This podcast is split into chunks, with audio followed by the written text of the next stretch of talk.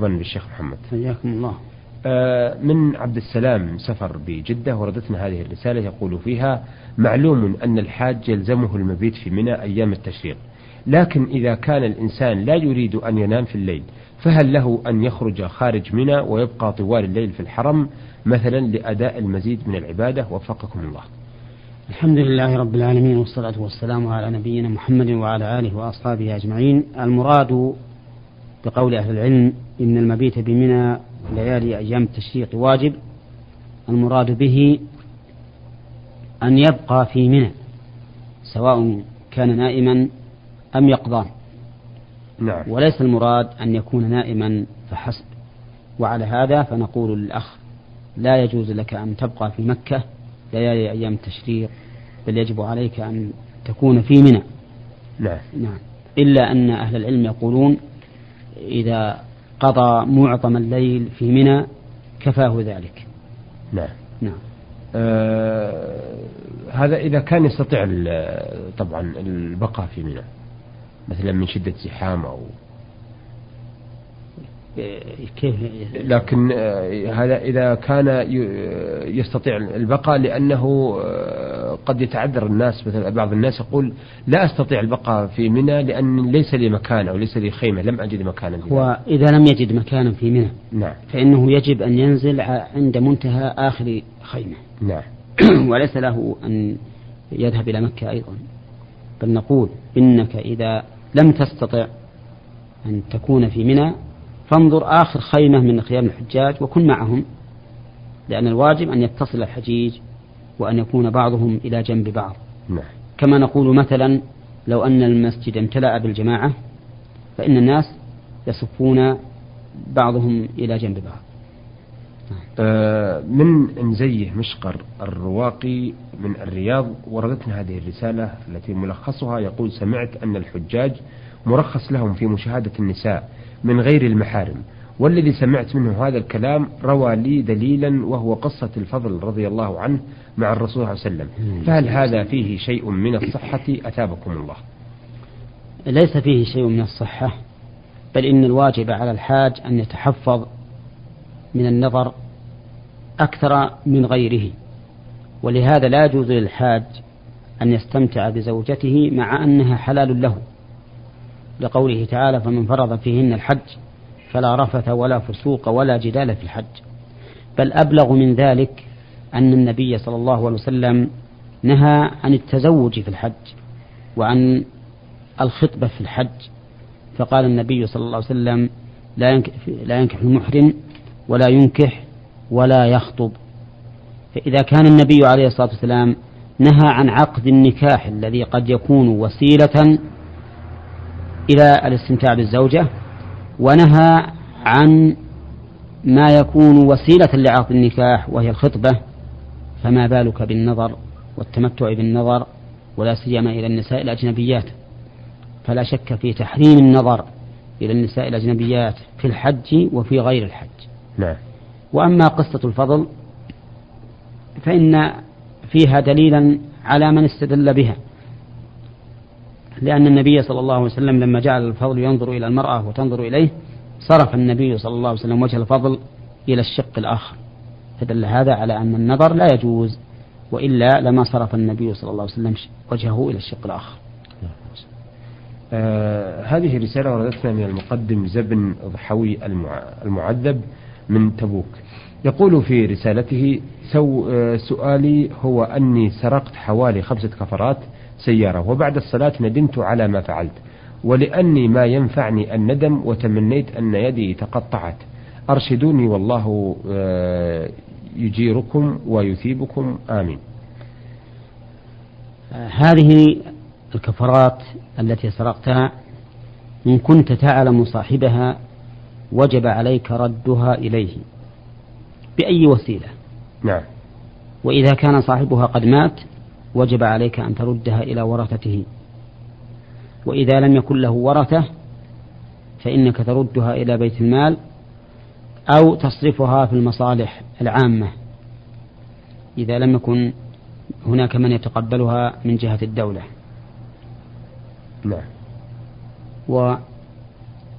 إذا كنت لا تعلم صاحبها سرقتها من سيارة لا تدري من هي له فإنه يجب عليك أن تتصدق بقيمتها.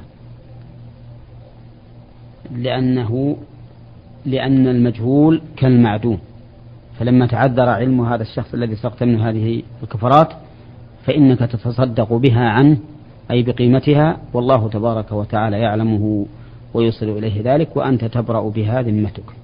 نعم, نعم. آه بالنسبة لكلمة المعذب هذه تأتينا كثيرا في الأسئلة بشكل لا يتصور من كثرته. هل يجوز الإنسان أن يطلقها على نفسه؟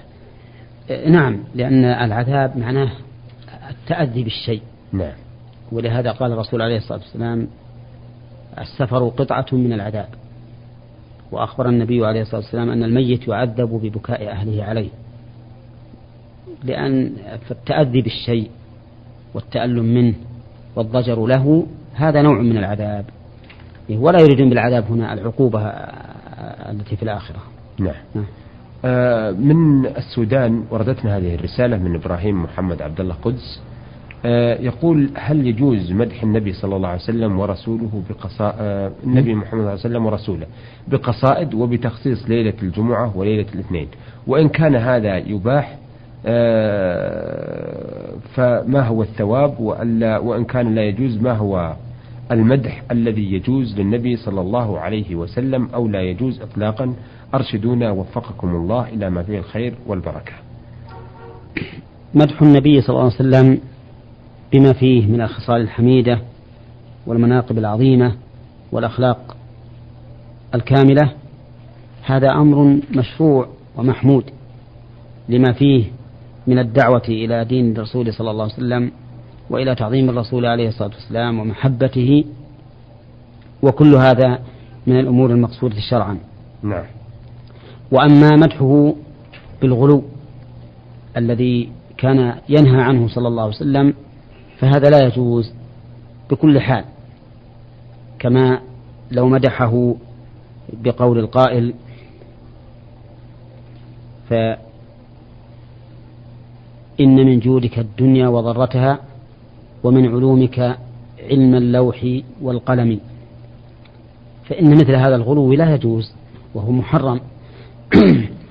وعلى القول أو على وجه على الوجه الجائز لا يتخذ ذلك في ليلة معينة أو في يوم معين بحيث كلما أتت هذه الليلة أو هذا اليوم قيلت هذه القصائد والمدائح فإن تخصيص الشيء بزمن لم يخصصه به الشرع. أو بمكان لم يخصصه به الشرع هذا من البدع التي نهى عنها رسول الله صلى الله عليه وسلم. نعم. آه وردنا أو وردتنا رسالة من آه الحاج آه باعتبار نعم الحاج باعتبار ما سيكون إن شاء الله. يقول الحاج قاف جيم من بلد إسلامي. آه بعد السلام أحب أن أسأل عما يلي. ما حكم التقاط الصور التذكارية في المشاعر المقدسة؟ التقاط الصور التذكارية إذا كانت صور آدميين فإنه لا يجوز أو حيوانات كالإبل مثلا فإنه لا يجوز لأن فيه اقتناء للصور نعم. والنبي صلى الله عليه وسلم أخبر أن الملائكة لا تدخل بيتا فيه صورة إلا ما استثني من الصور وهو ما اتخذ فراشا ومخدة وما أشبه ذلك مما يمتهن وأما هذه الصور التذكارية للحيوانات والإنسان فإنها لا تجوز لا يجوز اقتناؤها بكل حال.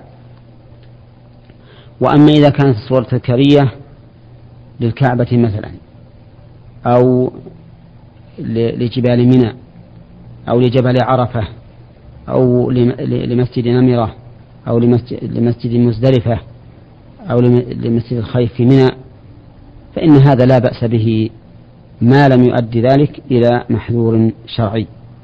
فإن أدى ذلك إلى محذور شرعي فإنه لا يجوز وإلا في الأصل الإباحة. نعم. مثل الصور لهذه المساجد لابد أن يكون فيها رجال أو نساء أو مخلوقات؟ لأنها لا يتصور أن تخلو من الناس نعم. من الممكن في إذا ظهرت الصورة وفيها صور آدمي أن يطمس وجوهها وحينئذ تبقى سليمة. نعم. آه، يقول أيضا ما حكم التمسك بالكعبة المشرفة ومسح الخدود عليها ولحسها باللسان ومسحها بالكفوف ثم وضعها على صدر الحج هذا من البدع التي لا تنبغي. نعم. وهي إلى التحريم أقرب لأن ذلك لم يرد عن النبي صلى الله عليه وسلم وغاية ما ورد في مثل هذا الأمر هو الالتزام بحيث يضع الإنسان صدره وخده ويديه على الكعبة فيما بين الحجر الأسود والباب لا في جميع جوانب الكعبة كما يفعله جهال الحجاج اليوم. وأما اللحس باللسان أو التمسح بالكعبة ثم مسح الصدر به أو الجسد فهذا بدعة بكل حال لأنه لم يرد عن النبي صلى الله عليه وسلم. نعم. وبهذه المناسبة أود أن ألفت نظر الحجاج إلى أن المقصود بمسح الحجر الأسود والركن اليماني هو التعبد لله تعالى بمسحهما لا التبرك بمسحهما. نعم. خلافا لما يظنه الجهلة. حيث يظنون أن المقصود هو التبرك ولهذا ترى بعضهم يمسح الركن اليماني أو الحجر الأسود ثم يمسح بيده على صدره أو على وجهه نعم. أو على صدر طفله أو على وجهه وهذا ليس بمشروع وهو اعتقاد لا أصل له ففرق بين التعبد والتبرك ويدل على أن المقصود التعبد المحض دون التبرك أن عمر رضي الله عنه قال وهو عند الحجر إني لأعلم أنك حجر لا تضر ولا تنفع ولولا أني رأيت النبي صلى الله عليه وسلم يقبلك ما قبلتك. وبهذه المناسبة أيضا أود أن أبين أن ما يفعله كثير من الجهلة يتمسحون بجميع جدران الكعبة وجميع أركانها فإن هذا لا أصل له. وهو بدعة ينهى عنه نعم. ولما رأى عبد الله بن عباس رضي الله عنهما معاوية رضي الله عنه يستلم الأركان كلها أنكر عليه فقال له معاوية ليس شيء من البيت مهجورا فأجابه ابن عباس لقد كان لكم في رسول الله أسوة حسنة وقد رأيت النبي صلى الله عليه وسلم يمسح الركنين اليمانيين نعم. فرجع معاوية إلى قول ابن عباس رضي الله عنهم فدل هذا على أن مسح الكعبة أو التعبد لله تعالى بمسحها أو مسح أركانها إنما هو عبادة يجب أن تتبع فيه آثار النبي صلى الله عليه وسلم فقط. نعم نعم. آه بالنسبة للركن اليماني كثير من الناس وخاصة أيام الزحام لا يستطيعون مسه فيكبرون إذا حاذوه. فما حكم هذا التكبير؟ هذا التكبير لا أعلم له أصلا. ويؤشرون أيضا إلى ولا أعلم للإشارة أصلا أيضا عن النبي صلى الله عليه وسلم. نعم. وإذا لم يعلم لذلك أصل لا للإشارة ولا للتكبير فإن الأولى أن لا يكبر الإنسان ولا يشير. نعم. وأما الحجر الأسود فقد ثبت فيه التكبير والإشارة عن النبي صلى الله عليه وسلم. آه يقول السائل وبما فضل. أننا في, في الطواف فإن من البدع أيضا ما يوجد في هذه الكتب الكتيبات التي تجعل لكل شوط دعاء خاصا فإن هذا ليس واردا عن النبي عليه الصلاة والسلام ولا ينبغي للمسلم التزامه ولا العمل به أيضا لأن كل شيء لم يرد عن الرسول عليه الصلاة والسلام مما يتعبد لله به نعم. فإنه بدعة ينهى عنه وهو كما قال الرسول عليه الصلاة والسلام كل بدعة ضلالة ولو أن الإنسان اتخذ دعاء عاما مما وردت به السنة غير مخصص بكل شوط لقلنا إن هذا لا بأس به بشرط أن لا يعتقد مشروعيته في الطواف. ولو أن الإنسان دعا لنفسه بما, بما يريد وذكر الله تعالى بما يستحضر من الأذكار المشروعة لكان هذا أولى فالوجوه إذا ثلاثة تارة يذكر الإنسان ربه بما تيسر ويدعوه بما يحب فهذا خير الأقسام. نعم. وتارة يذكر الله تعالى بما ورد ويدعوه بما ورد غير مقيد بشوط معين فهذا لا بأس به إذا لم يعتقد الإنسان أنه سنة في الطواف.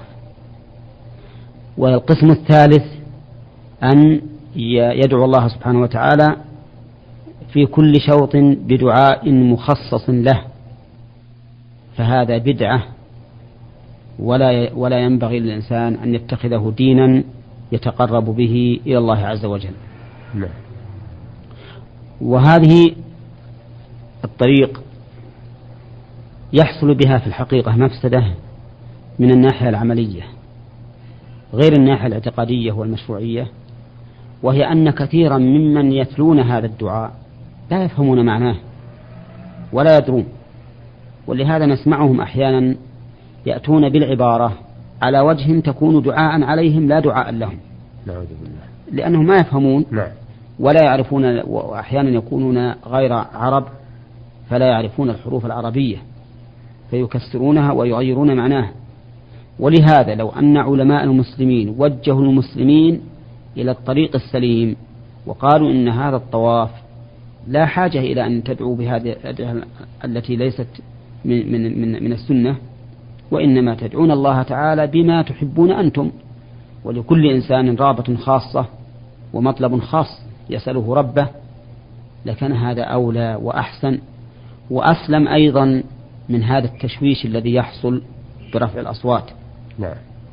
وقد خرج النبي عليه الصلاة والسلام على أصحابه وهم يصلون ويجهرون فقال صلى الله عليه وسلم كلكم يناجي ربه فلا يجهر بعضكم على بعض في القراءة أو قال في القرآن والحديث رواه مالك في الموطأ وهو صحيح كما قاله ابن عبد البر نعم. وعلى هذا فنسلم إذا تجنبنا هذه الطريق التي عليها كثير من الحجاج اليوم نسلم من التشويش ويكون الطواف هادئا ويكون خاشعا وكل إنسان يدعو ربه بما يريد وأسأل الله تعالى أن يحقق ذلك للأمة الإسلامية. أثابكم الله. أيها السادة إلى هنا نأتي إلى نهاية لقائنا هذا الذي عرضنا فيه رسائل السادة عبد السلام سفر من جدة وأنزيه مشقر الرواقي من الرياض وزبن ضحوي المعذب من تبوك والحاج باعتبار ما سيكون قاف جيم من بلد إسلامي.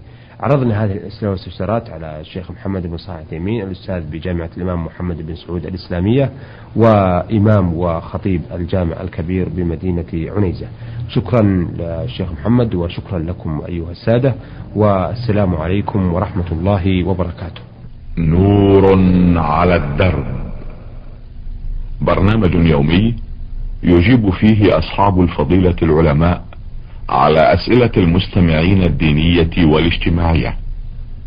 البرنامج من تقديم وتنفيذ سليمان محمد الشبانة.